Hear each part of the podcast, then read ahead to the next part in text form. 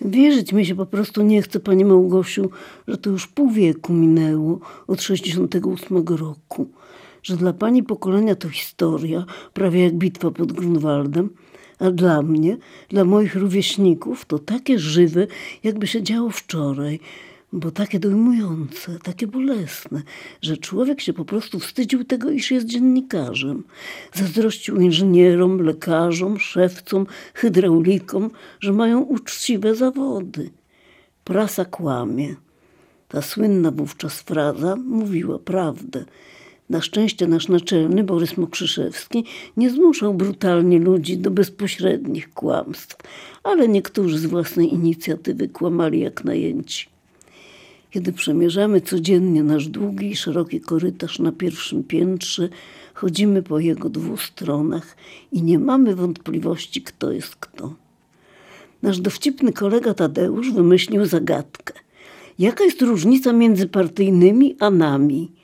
Że oni siedzą w klubie z nieczystościami, a my stoimy tuż obok. Pachniemy podobnie. 15 marca idziemy z Ewą Szumańską i Izą Sobkowicz prywatnie na wiec na Politechnikę. Studenci zaprosili Radę Wydziału i apelują do rektora o zalegalizowanie strajku solidarnościowego ze studentami Warszawy, który się rozpoczął 8 marca. Jesteśmy zbudowane zdyscyplinowaniem, porządkiem, sprawną organizacją, godnym i pięknym językiem studenckich postulatów. Ale rektor Szparkowski odmawia im poparcia. Rozpoczyna się strajk okupacyjny. Członkowie AZS-u podają sobie sztafetą przygotowane buchenki chleba. Co to za widok? Nie ma pani pojęcia. Sprawność, determinacja, opanowanie. Ci, co nie uczestniczą, proszeni są o opuszczanie gmachu. Wychodzimy z Politechniki z ciężkim sercem. Co z nas za dziennikarki, skoro możemy tylko milczeć? Nazajutrz wieczorem pod strajkujący uniwersytet wybieramy się oboje z Tadeuszem. Cały plac uniwersytecki między gmachem głównym a starymi kamieniczkami wypełniony wozami milicyjnymi oraz tabunami zumowców. No i takimi kibicami jak my. Wiemy z szeptanej informacji, że wspaniały rektor, profesor Alfred Jan, zalegalizował strajk i jest przez cały czas ze studentami. Przyjął zdecydowaną postawę wobec partii i milicji, wziął wszystko na siebie, zagwarantował młodzieży bezpieczeństwo, a władzę zapewnił, że do godziny 14 w sobotę wszyscy spokojnie, bez demonstracji opuszczą gmach. Odchodzimy na chwilę uspokojeni, ale na moście uniwersyteckim milicja pałkami atakuje niewinnych przechodniów. Pierwszy raz w życiu to widzę tak blisko na własne oczy. Wpadam w histerię. Tadeusz odwozi mnie autobusem i odprowadza pod dom. Kiedy wpadam na górę, Maciek pod okiem mamy właśnie przygotowuje się do snu. Pamiętasz Maciek? No właśnie. Zamiast cię zostawić w spokoju, wyszlochuje z siebie przekleństwa, że Polska to nie ojczyzna, to nie matka, jak cię dotąd uczyłam, ale szmata, szmata, szmata, wywrzaskuje histerycznie. Biedna mama uspokaja nas oboje. To jest 16 marca 1968. Po niespełna pół roku znowu razem przeżywamy z bliska kolejną polską hańbę – Noc z 20 na 21 sierpnia, kiedy polskie wojsko razem z wojskami Układu Warszawskiego wdziera się do Czechosłowacji, żeby zdusić praską wiosnę. Tak się akurat składa, że jesteśmy na petytokowskim obozie wędrownym na trasie Gorce-Pieniny. Tę straszną, haniebną noc spędzamy akurat w schronisku na Turbaczu w drodze do Czursztyna. Nie możemy spać, bo przez całą noc latają nad nami samoloty. Jeszcze nie wiemy, co się dzieje, ale czujemy jakąś grozę. Rano okazuje się, że ktoś z uczestników ma małe turystyczne radio, więc słuchamy i dowiadujemy się ze zgrozą, co się stało. Wychodzimy na trasę do Czorsztyna i słuchamy dalej przez całą drogę, jak nigdy. No ale czas jest szczególny. Słyszymy z przerażeniem, jak kolejne czechosłowackie rozgłośnie, atakowane przez wojska Układu Warszawskiego, dramatycznie kończą nadawanie programów. Z zaściętych studiów radiowych słychać strzały, przerażone głosy spikerów. Kiedy schodzimy, z nad Dunajca padają kamienie w naszym kierunku. W Czorsztynie panika, ludzie robią zapasy, miejscowe sklepy oblężone, spływy Dunajcem odwołane. Po słowackiej stronie pojawiają się wrogie, antypolskie napisy. Pamiętasz to, Maciek? No, to dla ciebie świetna lekcja wychowania obywatelskiego, prawda? Po powrocie do Wrocławia czytam w gazecie reportaż jednego z kolegów, który pisze, że te strzały słyszane w czechosłowackich transmisjach to efekty akustyczne, bo każdy, kto choć trochę zna realia radia, wie, że ściany każdego studia są tak wytłumione, że nie słychać w nim żadnych odgłosów z zewnątrz. A przecież on sam dobrze wiedział, bo często w radio występował, że kiedy speaker zapowiada program ze studia, to nad drzwiami pali się wielkie czerwone czerwony napis cisza, bo słychać by było nie tylko na przykład stukanie młotka, ale nawet śmiech czy krzyk, a nawet głośne rozmowy. Więc tak właśnie prasa kłamie w żywe oczy. 4 grudnia na imieninach Barbary, mojej przyjaciółki plastyczki, jej inny coroczny gość, także plastyk czy architekt Janek, nie chce nam dziennikarzom podać ręki. Przyjęcie imieninowe zamienia się w debatę polityczną. Usiłujemy im coś tłumaczyć. Nad ranem zaczynają nas rozumieć. Po nowym roku idę do szpitala na neurologię. Spędzam tam 10 tygodni. Przypątuje mi się grypa azjatycka, potem komplikacje wyglądające na pierwsze objawy stwardnienia rozsianego. Strach, przerażenie.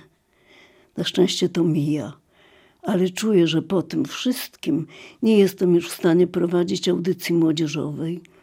Idę do naczelnego i proszę o przeniesienie. Czuję, że definitywnie skończyła się moja młodość. Ale ona jeszcze wróci. Tyle, że nie prędko. Po dziesięciu latach, pewnego październikowego wieczoru, wpada do nas jak burza nasza sąsiadka z góry. Pani Loniu, pani Loniu, Wojtyła został papieżem. Czegoż ona się tak egzaltuje, myślę sobie. Ale za chwilę dzwoni do mnie Marek Dyżewski, także rozradowany. Zaczynamy rozmawiać i nie wiem jakim cudem słyszymy w tle głosy innych ludzi, którzy także radośnie się przekrzykują gdzieś w eterze. Zaczyna do mnie docierać, że dzieje się coś nadzwyczajnego. Z opóźnieniem pojawiają się pierwsze migawki w telewizji ale choć widać, że zmanipulowane, zminimalizowane, zmarginalizowane, jednak tłumy, których nie sposób ukryć, to nie są te same tłumy, które oglądamy na 1 maja. Po raz pierwszy widzę ludzi, którzy przyszli, bo sami chcieli, pragnęli. To jest lśnienie, naprawdę. My we Wrocławiu ubolewamy, że go do nas nie wpuszczą. Czujemy, że władza się go boi. A już byśmy polecieli za nim na koniec świata ale nawet urlopy zostały wstrzymane. Nasz kolega Adaś Kasprzyk, zgłupia frant, idzie do naczelnego, którym teraz jest były dyrektor cenzury Stanisław Goszkowicz, skądinąd mój kolega z roku, i prosi go o parę dni wolnego. Czy pan zwariował? Pyta spokojniutko i zupełnie poważnie naczelny. Codziennie, jak nigdy, sprawdzana jest lista obecności. Pracujemy aż do soboty, 9 czerwca, od 9 rano do 13.15, ani minuty krócej. Ale zapowiedziana jest na siódmego bezpośrednia transmisja telewizyjna z obozu w Oświęcimiu. Niestety nie mam kolorowego telewizora, a tak bym chciała to zobaczyć. Na szczęście tego dnia ma akurat dyżur rozgłośni, dyżur cenzorski Nina S., polonistka, najinteligentniejsza spośród cenzorów, specjalizująca się zwłaszcza w teatrze. To znaczy bywa na próbach i jak mi się chwaliła, czasem coś potrafi wynegocjować między reżyserem a głównym cenzorem. Pytam ją, czy będzie oglądała tę transmisję. Odpowiada z pewnym ociąganiem się, a wiesz, no, mogę oglądać. Więc się wpraszam. Z początku nie przejawia specjalnego zainteresowania, ogląda raczej mnie do towarzystwa – ale w miarę rozwoju akcji zaczyna uważniej patrzeć i słuchać. Wreszcie z cieniem zdziwienia konstatuje: Wiesz co? Dobry on jest, całkiem dobry.